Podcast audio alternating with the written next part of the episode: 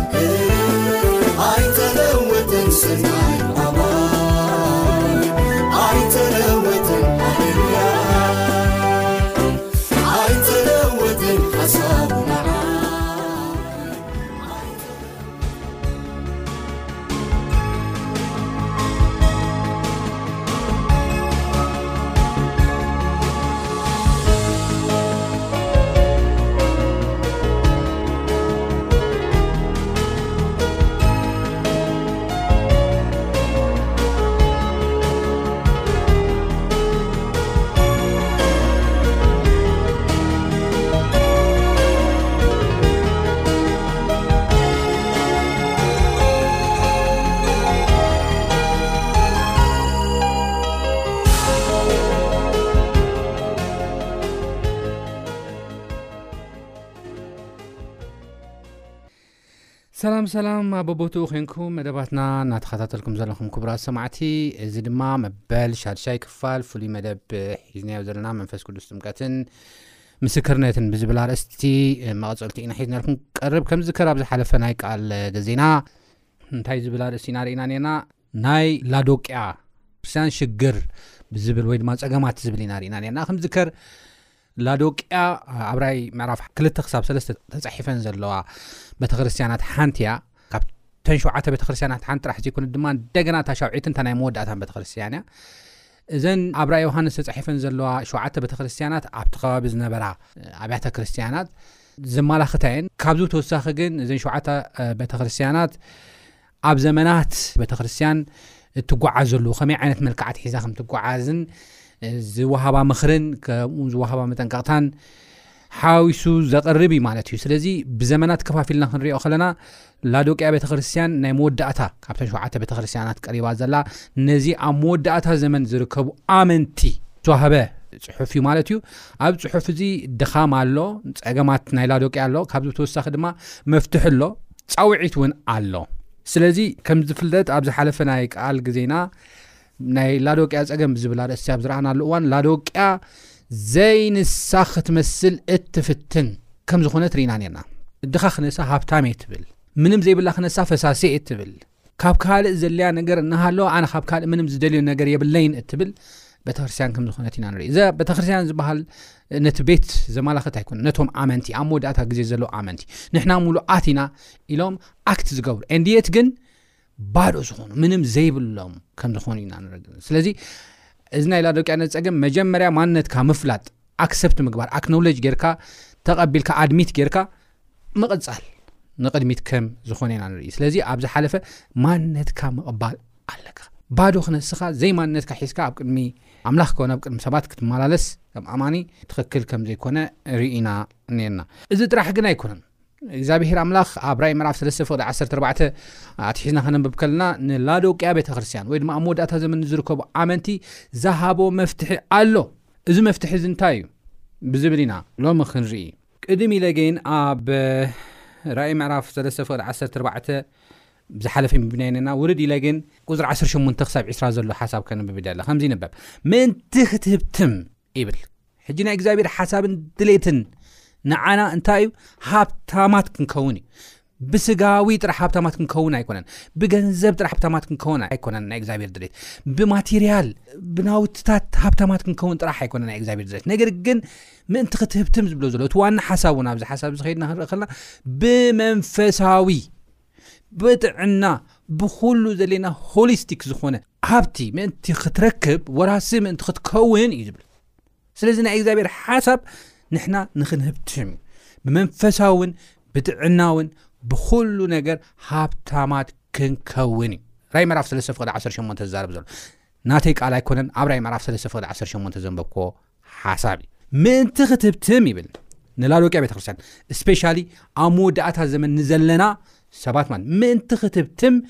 ብሓዊ ዝፀረየ ወርቂ ካባይ ክትዕድግ እመኽረካ ኣለኹ ይብል ብሓዊ ዝፀረየ ወርቂ እንታይ ማለት እዩ ክንብል ከለና እምነት እዩ ወርቂ እንታይ እዮ ዘመላኽት እምነት እዩ ካብ ኣምላኽ እምነት ክንቅበል ይግባኣና እዩ ብዙሕ ግዜ ናይ ላዶቅያ ፀገም ማነታ ኣድሚት ምግባር ተሳኢንዋ ኣብ ካልእ መሲላ ትቐርብ ከም ግብዝ ኣክቲ ጥራሕ ትገብር ተምስል ናይ ምንታይ ፀገም እዩ ክንብል ከለና ናይ እምነት ፀገም እዩ ኢንፌሪዮሪቲ ኮምፕሌክስ ወይ ድማ ጸገም ስለ ዘሎ ናይ እምነት ጸገም እዩ ስለዚ እቲ ናይ መጀመርያ ናይ እግዚኣብሄር ፃውዒት ብወርቂ ብሓዊ ዝተፈተነ ወርቂ ካባይ ክትዕድግ ዝብል እዩ እምነት እምነት ዘለዎ ዘይማነቱ ሒዙ ክመላለስ ኣይክእለን እዩ እምነት ወሳኒ እዩ ማንነትና ብትኽክል ሬፍሌክት ክንገብር መፅሓፍ ቅዱስ ንስኻትኩም ብርሃን ዓለም ኢኹም ኢልና እዩ እሞ ንዓለም ከነብርህ ንኽእል እምነት ክህልወና ከሎ እዩ እሱ እውን ብወርቂ ብሓዊ ዝተፈተነ ወርቂ ከም ብሓዊ ዝተፈተነ ወርቂ ዝኣመሰለ እምነት ክህልወና ከሎ እዩ ማለት እዩ ስለዚ እቲ ናይ መጀመርያ እምነት ዝብል እዩ ነዚ ኩሉ ፀገማትና ክፈትሕ ዝኽእል እምነት እዩ እዚ እምነት እዚ ከዓ ካብ እግዚኣብሄር ኢና ክንቅበሎ እንኽእል። እግዚኣብሄር እምነት ይህብ እዩ። ኣብ ሮሜ ምዕራፍ ዓሰርተ ክልተ ኣብቲ ናይ መንፈሳዊ ውህበታት ኬድና ኣብ ንርእየሉ እዋን እቲ ሓደ እምነት እዩ እምነት እዩ ስለዚ እምነት ይህብ እዩ እታ ናይ ክርስቶስ እምነት ክህበና ግን እንታይ ክንገብር ይግባኣና እዩ ካብኡ ክንዕድግ ይግባኣና እዩ ምዕዳግ ማለት እንታይ ማለት እዩ ብትሕትና ክንሓትት ይግባኣና እዩ እምበር ንሕና ከፍ ኢልና እውን ኣይንውድኦን ኢና ቀፂሉ ሕፍረት ዕርቃንካ ምእንቲ ክቅልዓን ክትክደንን ከዓ ፃዕዳ ክዳውንቲ ክትዕድ ካባይ ይመኽረካ ኣለኹ ይብል። ሕፍረት ዕርቃንካ ምእንቲ ከይቅላዕ ክትክደንን ከኣ ጻዕዳ ክዳውንቲ። ጻዕዳ ክዳውንቲ እንታይ እዩ ዘማላኽታ መጽሓፍ ቅዱስ ክንብል ከለና ጻዕዳ ክዳውንቲ ማለት ጽድቂ እዩ ዘማላኽት። ናትና ጽድቂ ናትና ክዳውንቲ ከም መርገም ጨርቂ ኮይኑ እዩ ረሲሑ ሲ ረሲሑ እዩ በቃ ብጣዕሚ ተባላሽ እዩ ከም መርገም ጨርቂ መርገም ጨርቂ ማለት ኣብ ዝተፈላለዩ ናይ መጽሓፍ ቅዱስ ጽንዓት ግዜና ጠቒስናዮ ነርና ኢና።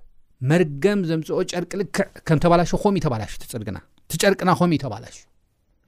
ሓጢኣት ኣባላሽዎ እዩ ግፍዒ ኣባላሽዎ እዩ ተንኮል ኣባላሽዎ እዩ ክፍኣት ኣባላሽዎ እዩ ስለዚ ትኽዳና ተባላሹስ ኣብ ቅድሚ ኣምላኽ ከቕርበና ኣይክእልን እዩ ስለዚ ሕፍረትና ከይቅላዕ ዕርቃና ከይቅላዕ ፃዕዳ ክዳን ካባይ ክትገዝእ እልምነካ ኣለኹ ፃዕዳ ክዳን ክብል ከሎ እንታይ ማለት እዩ እግዛብሄር ዝህበና ጽድቂ ኣሎ ዝሽፍነና ጽድቂ ኣሎ ናይ መን ጽድቂ ምጽ እዩ ዝሽፍነና እግዚኣብሄር ናይ ክርስቶስ ጽድቂ እቲ ናይ ክርስቶስ ጽድቂ ምእንቲ ክሽፍነኩም ስንታይ ግበሩ ሕጂ እውን ተቐበሉ እዩ ብናይ ክርስቶስ ፅድቂ ተሸፈኑ እዩ ብናይ ክርስቶስ ፅድቂ ክትሽፈኑ ይግብኣኩም እዩ ብናይ ክርስቶስ ፅድቂ ክትሽፈኑ ጥራሕ ከለኹም እዩ ኣብ ቅድሚ ኣምላኽ ደው ክትብሉ ትኽእሉ ኣብ ቅድሚ ሰብ እውን ደው ክትብሉ ትኽእሉ ስለዚ እዚ ክብል ከሎ ኢና ንርኢ ካብ መጨረሻ ከዓ ከይድና ክንርኢ ከለና ምእንቲ ክትርኢ ንዓይንታ ክትኳሓሉን ኩሕሊ ካባይ ክትዕድግ እመኽረካ ኣለኹ ይብል እዚ ኩሕሊ ናይ መንፈስ ቅዱስ ውህበት እዩ መንፈስ ቅዱስ ዋና እዩ ኣዓይንትና ክንርኢ ኣዓይንትና በሪሁ ክንርኢ ከነስተውዕል ህይወትና እውን ኩሉ ንኣምላኽ ንኸነረክብ መንፈስ ቅዱስ ንኸነረክብ ዘኽእለና መንፈስ ቅዱስ እዩ እሞ በዚ ነገር እዚ ናይ መንፈስ ቅዱስ ውህበት ክንልምን ብዝሓለፈ ርኢና ኢና መንፈስ ቅዱስ ዝወሃቦም ሰባት ብክርስቶስ ዝኣመኑ እዮም ትእዛዙ ዝሕሉ እዮም ካብዚ ተወሳኺ ድማ ዝልምኑ ዝሓቱ ንእግዚኣብሄር መንፈስ ቅዱስ ካሃበኒ መንፈስ ቅዱስ ካኩልንትናይ ቋፀሮ ዝብሉ ሰባት እዮም እሞ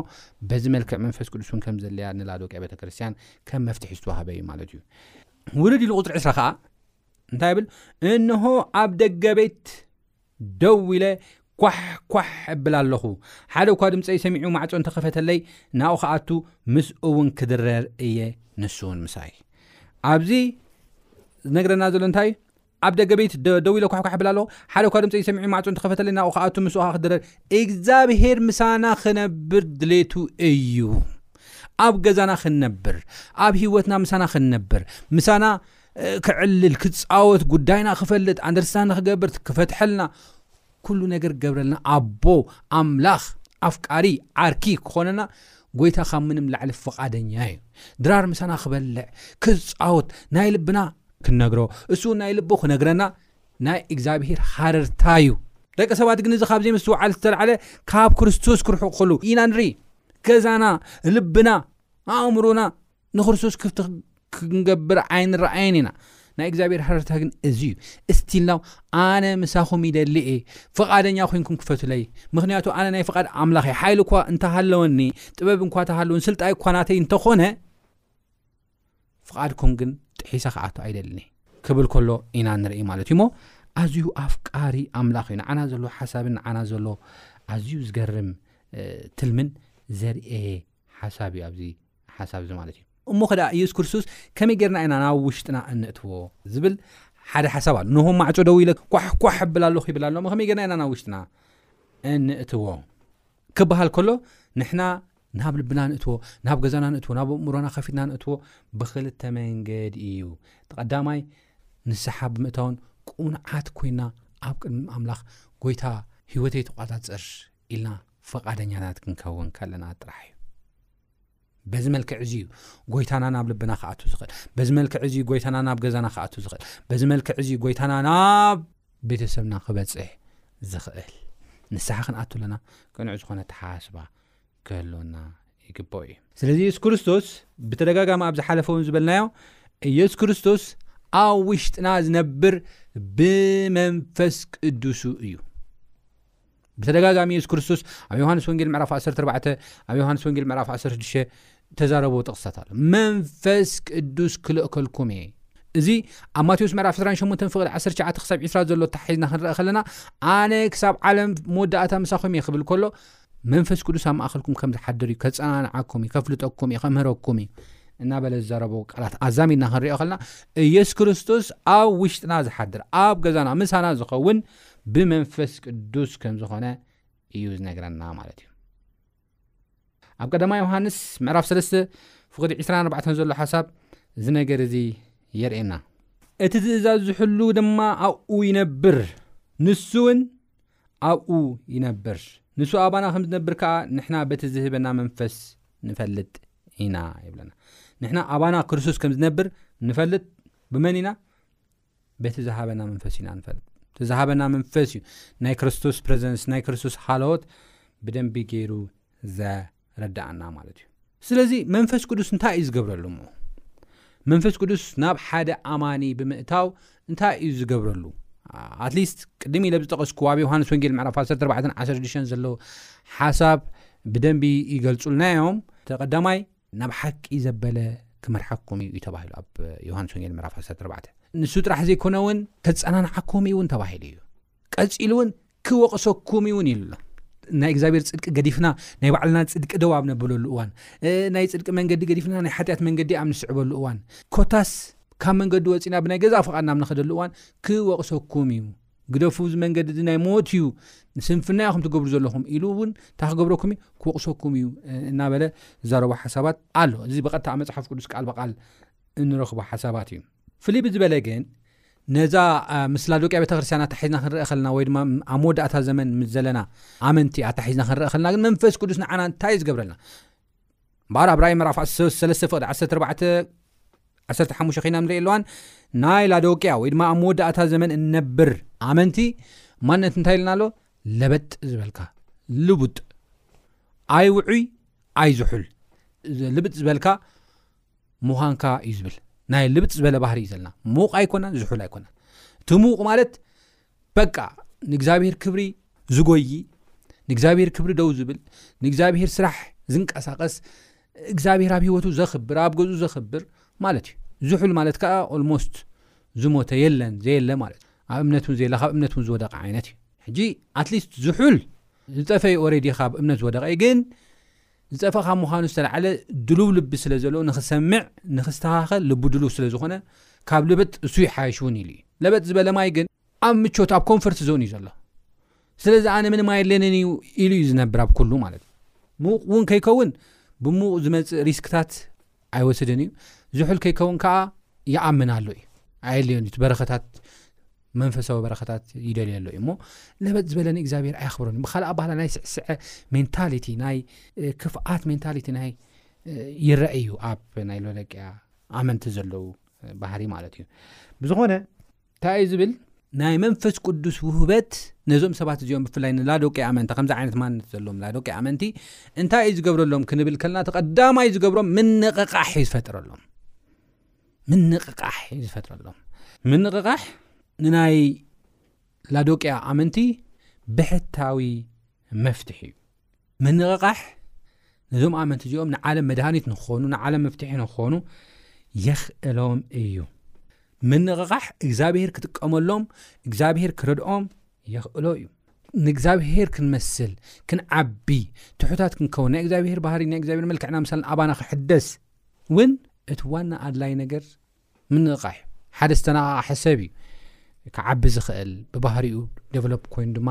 መልክዕ ኣምላኽ ኣብኡ ክሰኣል ዝኽእል፣ ምስሊ ኣምላኽ ኣብኡ ክሰኣል ዝኽእል እንደገና እቲ ተባላሹ ዝነበረ ማለት እዩ እሞ እዚ ኢና ንርኢ ማለት እዩ። እዚ ምንቕቓሕ እንታይ እዩ ዘምፀሎም ኢልና ኣለና ሓይሊ የምፀሎም ብርትዐ የምፀሎም እግዚኣብሔር ክጥቀመሎም ይገብር ኮታስ ብዙሕ ነገር እዩ ዝነገረና ማለት እዩ እሞ ኣብ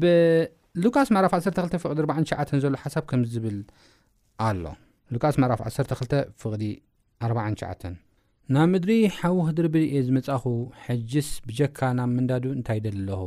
ይብል። ሕጂ እዛ ሓሳብ እዚኣ ናብ ምድሪ ሓዊ ክድርቢ እየ ዝመጻኹ፣ ሕጅስ ብጀካ ምንዳዱ እንታይ እደሊ ኣለኹ? ይብል። እዛ ጥቕሲ እዚኣ እንታይ ማለት እያ ክንብል ከልና በቲ ምሉእ ሓሳባ ክንሪኣ ከልና ምናልባት ፅልኢ ዘይምስምማዕ ህውከት ክፈጥር እዩ ዝመፅእኹ ይኮነን ዝብል ዘሎ የሱስ ክርስቶስ ብርግፅ እቲ ሓደ ትሕት ኢልና ከነንብብ ከልና እቲ ሓሳባት ከምኡ ዝብል ሓሳብ ኣሎ ንኣብነት ናብ ምድሪ ሰላም ከምፃእ ዝመፃኹ ኣይምሰልኩም ዝብል ሓሳብ ኣሎ ግን እዛ ቁፅሪ ኣርባዓን ትሽዓተን ናብ ምድሪ ሓዊ ክድርቢ እየ ዝመፃኹ ሕጅስ ብጀካ መንዳዶ እንታይ ደለኹ ክብል ከሎ የሱስ ክርስቶስ ብዛዕባ እቲ ናይ መንፈስ ቅዱስ ውህበት እዩ ዝዛረብ ዘሎ ናይ መንፈስ ቅዱስ ውህበት ሕጂ ናይ መንፈስ ቅዱስ ሓው ምክንያቱ ኢየሱስ ክርስቶስ ኣብ ሉቃስ ምዕራፍ 3 ፍቕዲ 16 ሓደ ዝብሎ ሓሳብ ኣሎ ዮሃንስ ብዛዕባ ክርስቶስ ተዛረቡ ዮሃንስ መለሰ ነቶም ደቂ መዛሙርቲ ማለት እዩ ንኹሎም ከዓ በሎም ኣነስ ኢልዎም ክጠመቀሎም ብማይ እየ ዘጥምቐኩም ዘለኹ፣ እቲ ኻባይ ዚብርትዕ፣ ኣነ ስራኻ ሰኣኑ ንምፍታሕ ዘይበቅዕ ግና ይመጽእ ኣሎ፣ ንሱ ብመንፈስ ቅዱስን ብሓውን ኬጥምቐኩም እዩ ኪብል ከሎ ኢና እንርኢ። እሞ እቲ ሓዊ ኼድና ኽንርኢ ኸለና ናይ መንፈስ ቅዱስ ውህበት ከም ዝኾነ እዩ ዝነግረና ማለት እዩ። ስለዚ ናይ መንፈስ ቅዱስ ውህበት ኬድና ኣብ ንርእየሉ እዋን ምንቕቓሕ ኣብ ህይወትና ከም ዘምጽእ ብንቕቓሕ ድማ ሓይሊ ከም ዝበና ከም ዘዕጠቐና ዝዛረብ እዩ ማለት እዩ። ስለዚ ኣነ እዚ ምንቕቓሕ ብመንፈስ ቅዱስ ውህበት ዝመጽእ ምንቕቓሕ ከመይ ገይረ እየ ከለማመዶ ዝኽእል ዝብል ናይ ኩላትና ሕቶ ክኸውን ዘለዎ ይመስለኒ። እቲ ቀዳማይ ናይ እግዚኣብሔር ተስፋ ንዓይ እዩ ተዋሂቡ። ኢየሱስ ክርስቶስ መንፈስ ቅዱስ ክልእኸልኩም እየ ዝበሎ ንዓይ እዩ ኢልና ንግልና ከም ዝኾነ ጌርና ንዓና እውን ከም ተዋሃበ ፈሊጥና ክንቅበሎ ኣለና። እዚ ናይ መንፈስ ቅዱስ ተስፋ ጥራሕ ኣይኮን ካልእ ተስፋታት እውን እዚ ንዓይ እዩ ኢልና ክንቅበሎ ይግባና። ካብዚ ተወሳኺ ብጸሎት እዩ ብሕብረት ጸሎት ብምዃን እዩ እቲ ናይ ጴንጠቆስ ጠቀን ናይ መጀመርያ መንፈስ ቅዱስ ኣብ ደቂ መዛሙርቲ ዝወረደ ብሕብረት ጸሎት ይጽልዩ ነይሮም እንዲያም ኣብ ግብረሃርያት ምዕራፍ ሓደ ፍቅዲ 14 ከይድና ንርኢ ኣሉዋንሲ ከም ዝብል ሓሳብ ኢና ንረክብ ግብረሃርያት ምዕራፍ ሓደ ፍቅዲ 14 እዚኣቶም ኩሎም ምስ ሓያሎ ኣንስትን ምስ ማርያምን ኣደ የሱስ ምስ ኣሕዋት ኮይኖም ከየብኮሩ ይብለና ከየብኮሩ ሓቢሮም ይጽልዩ ነበሩ ይብለና ናይ ጸሎት ውፅኢት እዩ ሓደ ስለ ሓደ ይጸሊ መንፈስ ቅዱስ ከኣብ ግብረ ሃዋርያት ኣብ ዝሓለፈ ከም ዝረኣናዮ ሓደ ስለ ሓደ ክጽሊ ከሎ ፊልጶስ ስለ ጳውሎስ ክጽሊ ከሎ መንፈስ ቅዱስ ከም ዝወረደ ኣብኡ ኢና ንርኢ ማለት እዩ ስለዚ ናይ ሕብረት ጸሎት ድማ ሓይሊ ከም ዘለዎ ኣብ ህይወትና መንፈስ ቅዱስ ንክወርድ ጉልበት ከም ዘለዎ ይነግረና እዩ ማለት እዩ እዚ ጸሎት እዚ ንዓሰርተ መዓልቲ ኣብ ጸለይሉ እዋን እዩ እምበኣር እቲ ሓይሊ መንፈስ ቅዱስ ኣብኦም ዝወረደ ማለት እዩ ስለዚ ንሕና መነቐቓሕ ክንፅበ ዘለና ብጸሎት እዩ ብጸሎት እዩ እምበር ስቂልካ ናይ ሓደ መዓልቲ ናይ ክልተ መዓልቲ ተጓይኻ ዝርከብ ነገር ከም ዘይኮነ ተረዲእና ብጸሎት ናብ ኣምላኽ እናቐረብና ህይወተይ ተቋጻጸር ህይወተይ ተረከብ ተጠቀመለይ ኣዕብየኒ ብመንፈሳዊ ዕቤት ክዓቢ ክበስል ንዓኻ ክመስል ንዓኻ ክክብር ኣብ ሂወተይ ንስኻ ርድኣኒ ኢልና ክንመላለስ እግዚኣብሔር ጸግኡ የብዝሓልና እናበልኩ ንላዶቅያ ዝተዋህባ መፍትሒ ሓደ እንታይ እዩ ምንቕቓሕ እዩ ስለዚ እዚ ምንቕቓሕ እዚ ከዓ ዝመፅእ ብመንፈስ ቅዱስ እዩ መንፈስ ቅዱስ ከዓ ኣብ ሂወትና ክቆጻጸር ዝኽእል ስራሕ ክሰርሕ ዝኽእል ከኣ ንሕና ንስሓ ክንኣቱ ከለና ቅኑዕ ልቢ ክህልወና ከሎን ከምኡውን ክንልምን ከለናን እዩ እሞ ክንልምን እግዚኣብሔር ጸጉ የብዝሓልና እናበልኩ ኣብ ዝቕጽል ናይዚ መቐጸልታ ሒዞም ክቐርበ ክሳብ ዝቕጽል ሰላም ኩኑ ጎይታ ይባረኩም